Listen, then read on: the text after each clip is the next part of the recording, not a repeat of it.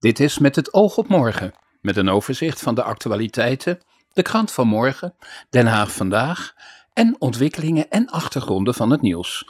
Buiten is het 12 graden, binnen zit Rob Trip.